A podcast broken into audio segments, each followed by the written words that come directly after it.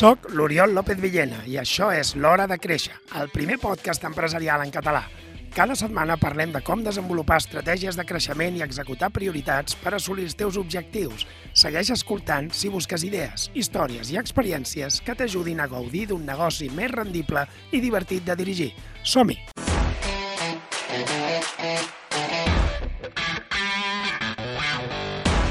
Parlem d'empresa, ho fem amb l'Oriol López Villena, que és l'autor del llibre Creix i Prospera, i amb ell volem parlar... Oriol, bon dia. Bon dia. Que no t'ho havia dit. I volem parlar de quan la prioritat són els diners, perquè és veritat que alguna vegada, malgrat que no ens agrada parlar de diners directament, No. eh, els diners són importants perquè és que hem entrat en, un, en, en una situació incontrolada, no? Bueno, sí, en, en tot moment. És a dir, per, Peter Drucker, que podríem dir que era el, el, el, el gurú del management empresarial, o sigui, la, el, el màxim gurú, no? A mi quan em pre pregunten si què m'he de llegir, sempre dic, Peter, qualsevol cosa a Peter Drucker, ni que sigui la llista de la compra, et servirà, d'acord? És a dir, doncs Peter Drucker deia una cosa que, que jo crec que reflecteix bé el que són els diners en el negoci. Deia que el benefici no és el propòsit d'un negoci, no? El propòsit d'un negoci és aportar valor al client i de més. Diu, però sí que és el test, eh? la PCR, el test de la seva validesa. És a dir, els diners són el que fan que puguis dir, d'acord, aquest negoci compleix el seu propòsit, que és afegir valor als clients. I a vegades hi ha clients, hi ha empreses que realment tenen una necessitat de diners perquè potser no estan afegint el valor que toca o perquè no estan triant bé les seves prioritats. Uh -huh. I a vegades els arriba a situació d'endeutament. Endeutament, eh, bueno, clar, problemes de tresoreria que es deriven a casa... És a dir, llavors, en aquests casos és molt important que com a empresa ens centrem en el benefici, és a dir, posem el, el focus en dir com podem aconseguir tenir benefici.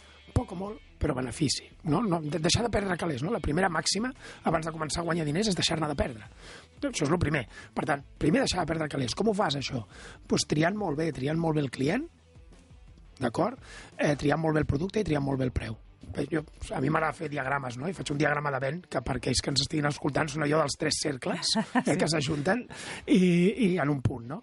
Llavors, tu si tries el client bé i tries el producte bé, però no tries bé el preu, el que et trobaràs és que no tens recursos. És a dir, molt bé, estàs anant al client adequat, tens un bon producte, però no tindràs els diners que reflecteixen el valor que aporta el teu producte. I això acabarà passant factura en el producte. Acabaràs rebaixant la qualitat del producte, bla, bla, bla, tal, tal, i acabes enfonsat.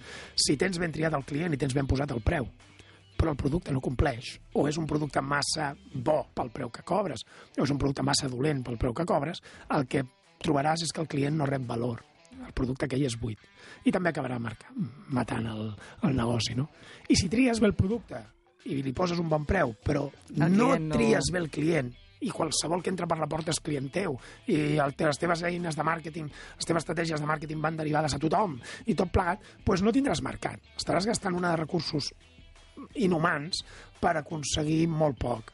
Doncs són aquestes empreses que a vegades estan intentant vendre a tot arreu, a tot el món, Es dispersen. quan en realitat el seu focus a lo millor està, no sé, a Reus, d'acord? Llavors dius, bueno, però si tu tens un forn de pa a Reus, dedica't a vendre a Reus. Si vols farem l'altre, però, però no, no, no compliquis la, la jugada, no? El, el secret està al centre, no? Com sempre, és a dir, és L'equilibri. L'equilibri d'aquests tres Saber factors. molt bé que hi ha clients, és a dir, el primer que has de fer és agafar els teus clients i dir quins són rendibles i quins no. Per tant, fes una llista dels teus clients, d'acord? O de grups de clients i mira quins són rendibles i quins no. Quins valoren els teus productes i quins no. Fes una llista dels teus productes i mira quins són rendibles i quins no. Quins donen benefici i quins no els donen. Mm. D'acord? I, I amb això ja pots començar a eliminar, a retallar. Doncs ho tenim clar, amb aquestes tres premisses, tenir aquests tres punts importants eh, ben clars, client, producte i diners. Exacte. Doncs, Oriol, eh, ho provarem. Exacte. Tracta. Moltíssimes gràcies, eh, que tinguis molt bona setmana. Igualment, que vagi bé.